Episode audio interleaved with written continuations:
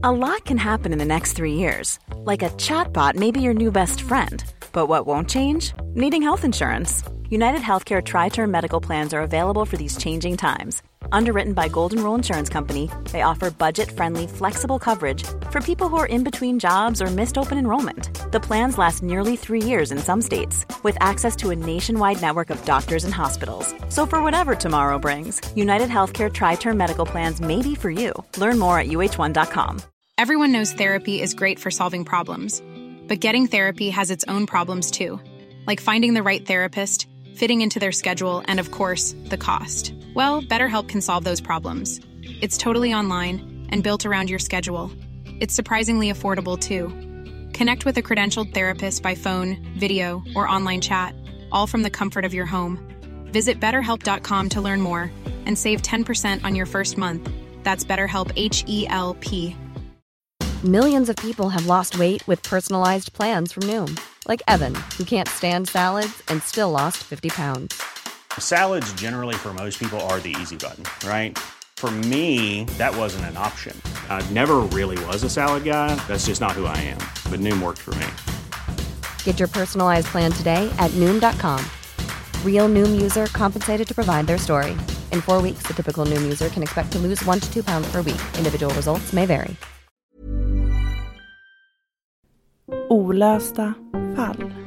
En podd om försvunna människor och ouppklarade mord.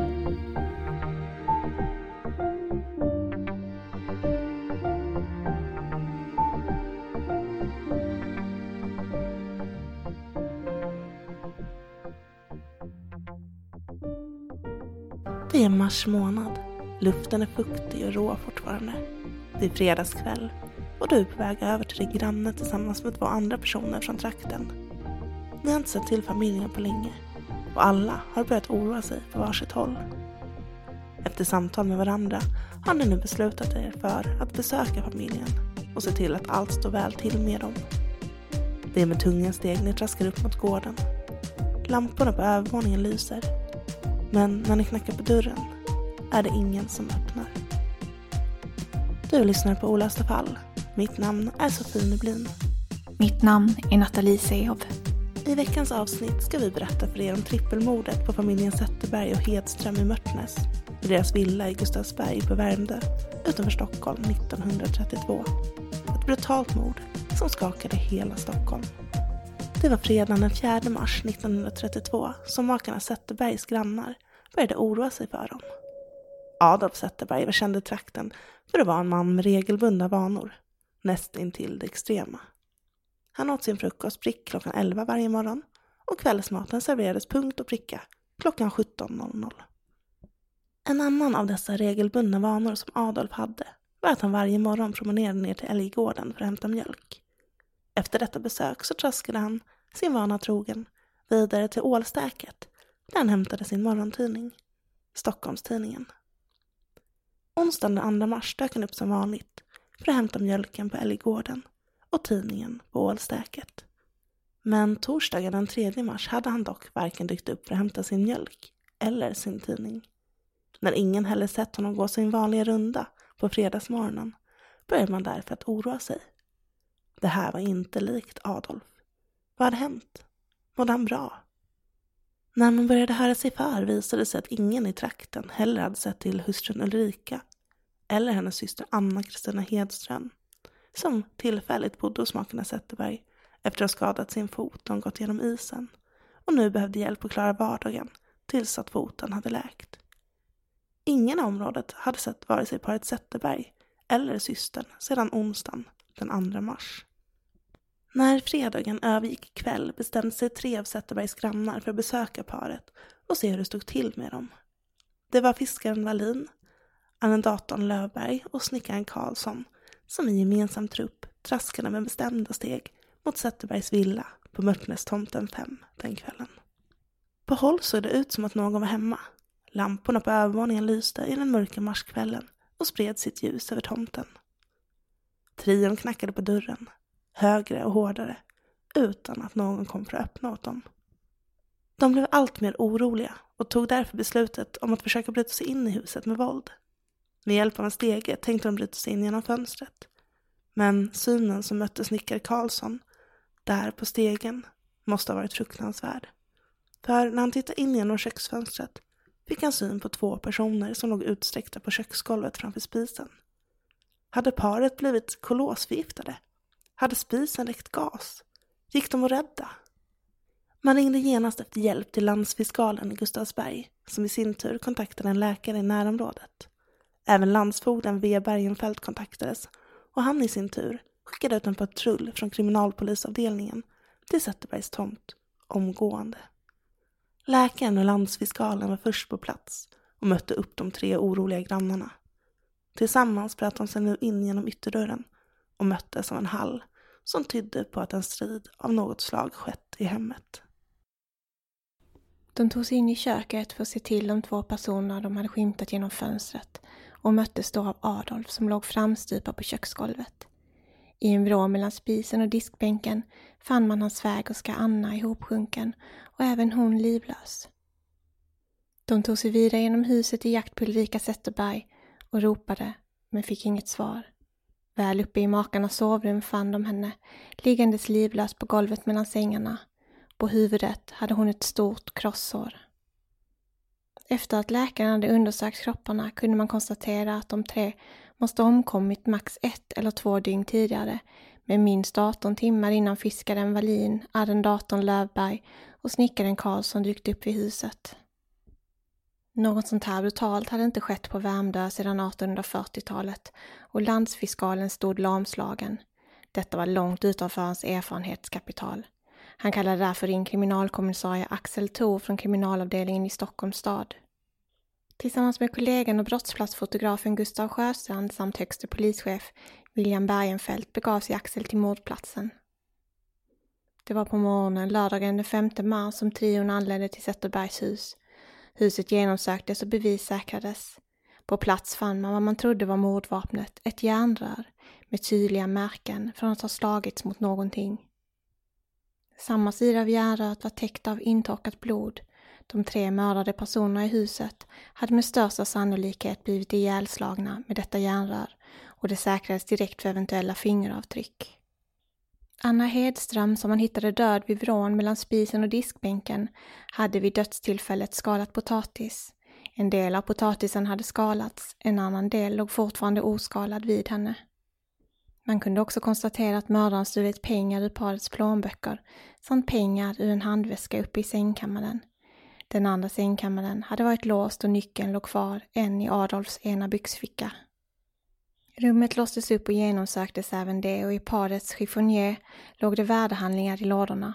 Där fanns barnböcker av värde, premieobligationer, depositionsbevis samt en plånbok innehållandes 150 svenska kronor, vilket i dåtidens pengavärde motsvarar ungefär 5 000 kronor. På golvet i villan fann man även sandblandad jord lite här och där som tillvaratogs som bevis.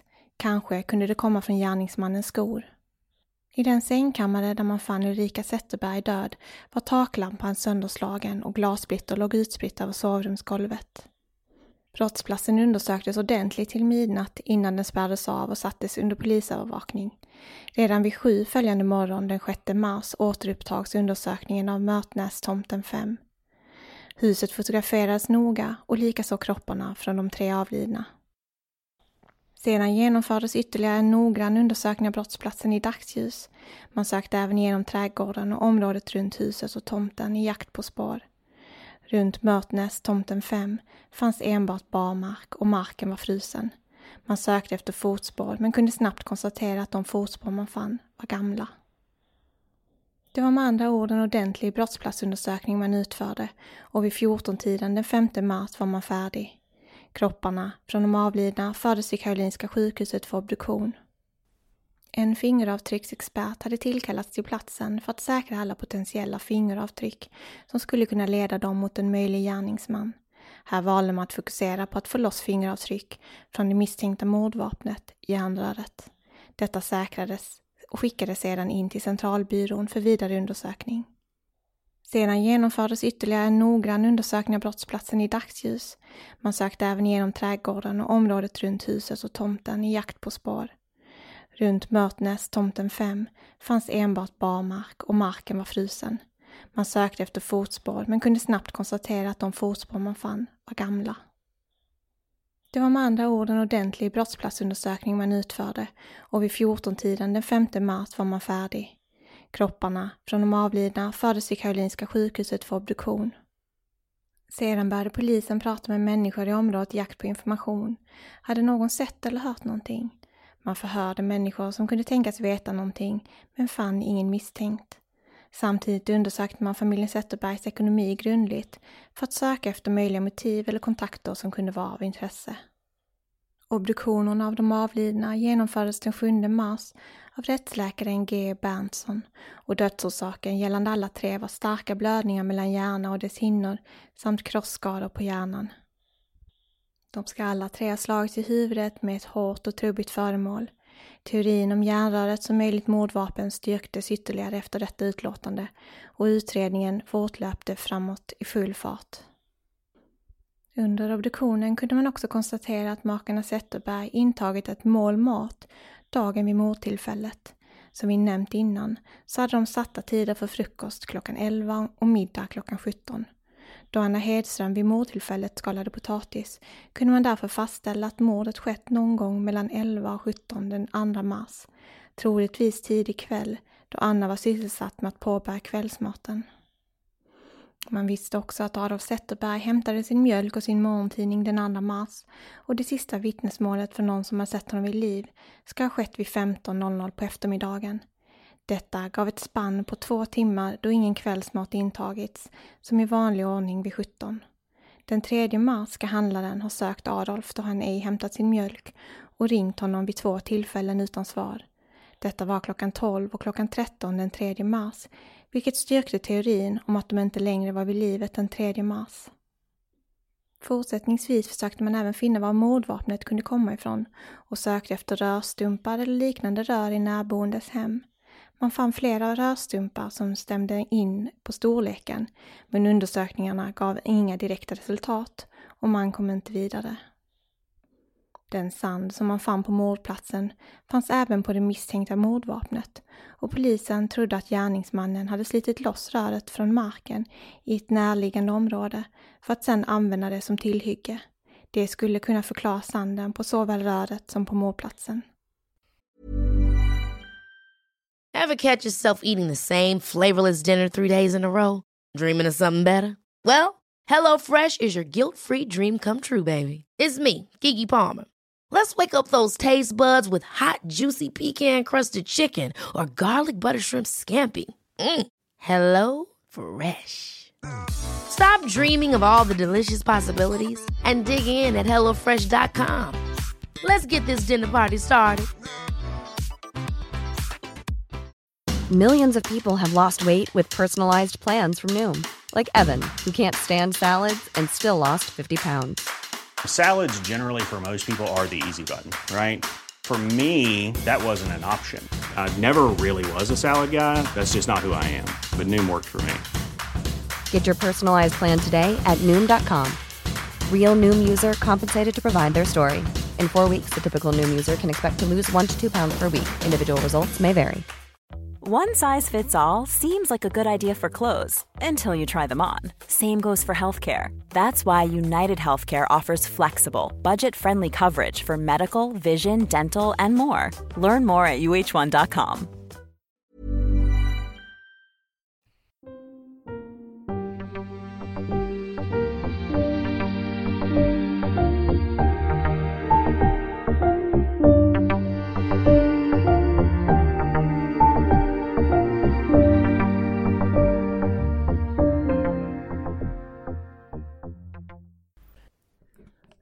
du Nattis, det här är ju ett märkligt fall och jag tänker också att det måste gått väldigt fort till i utförandet. De har faktiskt hunnit mörda tre personer med slag mot huvudet utan att någon av offren lyckats fly från platsen. Och det har ju pratats en hel del om motiv. Och det är i det här fallet ganska oklart. Men eh, ett av de möjliga motiven kan vara pengar. Ja, det kan man ju fråga sig. Det kan ju helt säkert finnas ett ekonomiskt motiv här. Adolf var ju ganska förmögen, hade ett kapital på cirka 50 000 svenska kronor i dåvarande penningsvärde. Och några år innan morden, år 1922, så sägs det även att han ska ha fått ett arv av en ganska betydande summa. Han ska även ha lånat ut pengar till bekanta och då med ganska hög ränta, vilket ju kanske inte var helt uppskattat av omgivningen. Han var även känd för att vara en snål man som höll väldigt hårt i pengarna. Och vid närmare granskning av hans bankskonton så ska polisen även ha sett att Adolf ska ha tagit ut summor på 100 till 600 kronor eh, och att det här ska ha skett eh, ganska frekvent. Och det ska därför endast ha funnits ungefär 500 kronor på hans konto vid mordtillfället. Men ja, vad behövde han egentligen pengarna till? Vi tänkte att vi skulle prata lite om potentiella gärningsmän som varit aktuella i den här utredningen också. Självklart fick polisen in ett flertal tips och flera personer trodde sig ha sett mördaren. Och en man skickade till och med in ett brev till polisen där han berättade om en sanndröm som han ska ha haft om mordnatten. Där han ska ha sett gärningsmannen i sin dröm då och att denne ska varit medelålders. Och det kan man tycka är lite speciellt att man skickar in ett tips om en dröm man haft, men det gjorde den här mannen i alla fall. Men så har vi också två personer som figurerat som misstänkta i utredningen som vi tänkte gå lite närmare in på. Den första hette Fredrik von Sydow. Ett namn ni kanske känner igen från de så kallade von Sydowska morden som skedde blott tre dagar efter mötnadsmorden.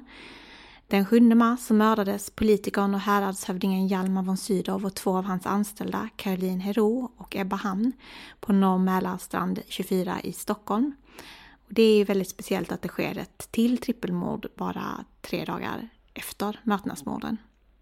Och misstänkt i det trippelmordet var Hjalmars egen son Fredrik von Sydow, som efter morden begick självmord. Och i det mordet hade Fredrik använt sig av ett strykjärn som mordvapen. Och likt mordet i Mörtnäs så hade mordvapnen så hade mordvapnet hittats i omgivningen och lämnats kvar på mordplatsen. Likt Mörtnäs så hade man en, ett huvudoffer i det fallet och det var ju Hjalmar. Och i vårt fall så var det ju Adolf. Och den koppling som familjen Vosyrov ska ha haft till makarna Zetterberg är att familjen ska ha ägt ett lantställe i Velamsund och haft en hel del bekanta i Mörtnäs. Fredrik ska enligt vittnen ha setts i Mörtnäs ett flertal gånger och i och med att trippelmorden skedde så tätt in på varandra så blev det stora skriverier i medierna där man jämförde morden med varandra. Det ledde ju till att ryktena gick och att det spekulerades och tisslades och tasslades gällande Fredriks möjliga inblandning i morden på Mörtnäs. Men vad fanns det egentligen för faktiska bevis och motiv? Ja, motivet är i så fall pengar. Det fanns en taxichaufför som kunde peka ut Fredrik. Eh, han ska nämligen ha kört Adolf till Fredriks hem i Norr Mälarstrand, där Adolf ska ha krävt tillbaka ett lån som Fredrik tagit av honom. Men efter ett antal förhör med taxichauffören så ska det visa sig att hans uttag inte riktigt stämde, eller det gick inte att bevisa det kan man ju säga. Man fann inga ekonomiska kopplingar mellan eh, Fredrik och Adolf och man avfärdade vittnesmålet som ett resultat av alla rykten egentligen som hade figurerat gällande Fredriks inblandning i morden. Dessutom ska Fredrik ha haft alibi för mordkvällen i Mörtnäs. Han ska ha spenderat den kvällen på en restaurang i Stockholms innerstad, vilket kunde... Det fanns vittnen helt enkelt som hade sett honom där. Så på så vis så blev han ju inte lika misstänkt längre. Och ett annat namn som det spekulerats i är Karl Alfred Granberg. Efter det att Fredrik von Sydow avskrivits från misstanke och eh, ryktesspridning så skedde faktiskt ännu ett mord. Den 15 mars 1932 så mördades Oskar Håkansson, en pensionerad förskollärare, i sitt hem i Värmol utanför Katrineholm. Och mördaren ska ha slagit honom med en vedyxa i bakhuvudet och sen försökt sätta eld på Håkanssons hus, men utan resultat. Man misstänkte för detta landsfiskalen Karl Alfred Granberg för mordet på Håkansson. Och Granberg själv ska ha svarat i förhör att Håkansson ska ha gjort sexuella närmanden mot honom och att han då i rent raseri mördat honom. I någon form av självförsvar då. Dock så fattades en hel del värdeföremål, eh, såsom tavlor samt en summa på 3000 kronor i dåtidens penningvärde. Vilket visade på ekonomiska motiv snarare än en akt av då vrede eller frustration. Och Granberg ska misstänks befinna sig i Stockholm vid tidpunkten då Mörtnäsmorden utfördes. Likheten mellan fallen var dels de ekonomiska motiven, där en stor summa pengar stulits från offrens hem. Offren led alla av krosskador i huvudet och även i Håkanssons fall så ska mordvapnet ha lämnats kvar på brottsplatsen. Och dessutom så saknade Granberg alibi för mordkvällen i Murtnäs. Och en 11-årig flicka, dotter till en av Zetterbergs grannar, vittnar om att hon träffat en man i, svan, i svart eh, trenchcoat när hon var ute i Murtnäs. Och hon tyckte att den här mannen var lik Granberg. Hon ska även ha sett honom i närheten av Zetterbergs villa och Granberg ska även ha ägt just en svart trenchcoat. Och flera personer i Mörtnäs började då vittna om att de sett en man i området med just en sån jacka. Och Granberg själv nekade då till inblandning i trippelmordet, men eh, polisen fann en del saker av intresse. Bland Granbergs ägodelar ska man ha funnit en huvudduk med spår av blod på. Och den här huvudduken ska då tillhört Ulrikas syster Anna Hedström. Någonting som hennes familj kunde bekräfta. Det här var Annas. Men hur kommer det sig att Granberg har hennes huvudduk? Och då teorin lyder att Granberg efter mordet ska ha använt den här för att torka bort blodet från mordplatsen. Men man kunde dock aldrig helt knyta huvudduken till Granberg. Och flera vittnen tog tillbaka sina utpekanden av Granberg när de väl eh, fick en chans att peka ut honom. Han dömdes dock till mordet på Håkanssons och togs kort efter det in på sinnessjukhus. Trots en så utförlig brottsplatsundersökning så verkar man ha snöat in på att utreda andra mördare snarare än att följa bankkonton eller närmare bekanta till Zetterbergs. Så kanske var mördaren någon som hade haft någonting osagt med Adolf. Det kan ju varit så. Kanske var någon i jakt på pengar. Han hade ju en del kapital. Kanske var det en vilt galen främling. Så kan det också varit. Teorierna i det här fallet har varit många. Men låt oss lyssna vidare.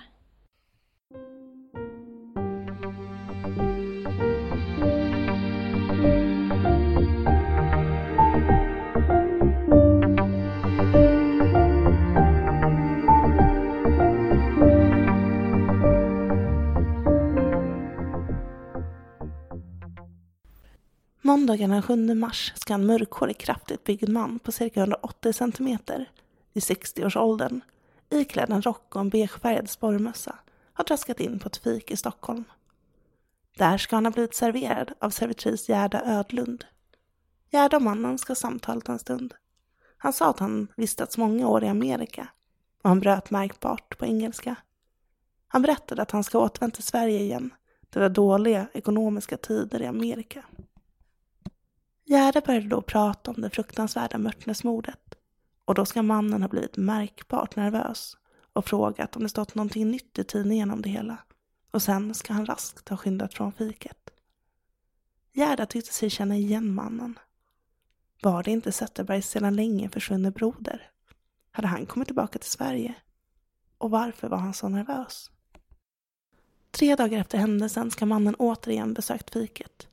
Nu ändrade han sin historia och berättade för Gerda att han flyttat tillbaka till Sverige för ett och ett halvt år sedan redan. Men att han varit tvungen att återvända till sommaren för att inte gå miste om sitt medborgarskap. Han berättade att han sökte efter en hushållerska. Gerda var inte sen med att berätta att hon gärna stod till tjänst. Men när hon bad om mannens namn och hemadress svarade han bara kort att han bodde på Pålhemsgatan. Och efter detta såg hon aldrig mannen igen. Polisen sökte efter honom, men utan resultat. Teorierna om vem som mördade makarna Zetterberg och fru Hedström har varit många under åren. Men till slut lades fallet ned. Man kom inte längre. Man gav utredningen en sista chans år 1950 i ett sista försök att hitta en gärningsman. Tyvärr ledde det inte någon vart den gången heller och mordet preskriberades år 1965. Än idag är fallet en gåta. En gåta utan svar. Tack för att du har lyssnat på veckans avsnitt av Olösta fall.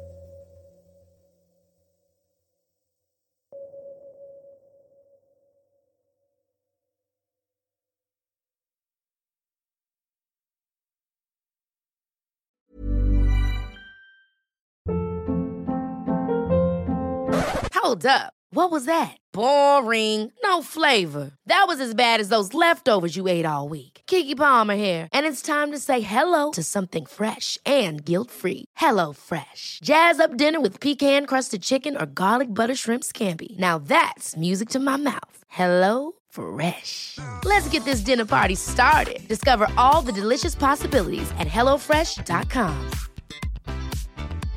Imagine the softest sheets you've ever felt. Now imagine them getting even softer over time. That's what you'll feel with Bowl and Branch's organic cotton sheets. In a recent customer survey, 96% replied that Bowl and Branch sheets get softer with every wash. Start getting your best night's sleep in these sheets that get softer and softer for years to come. Try their sheets with a 30-night guarantee. Plus, get 15% off your first order at bowlandbranch.com. Code BUTTERY. Exclusions apply. See site for details.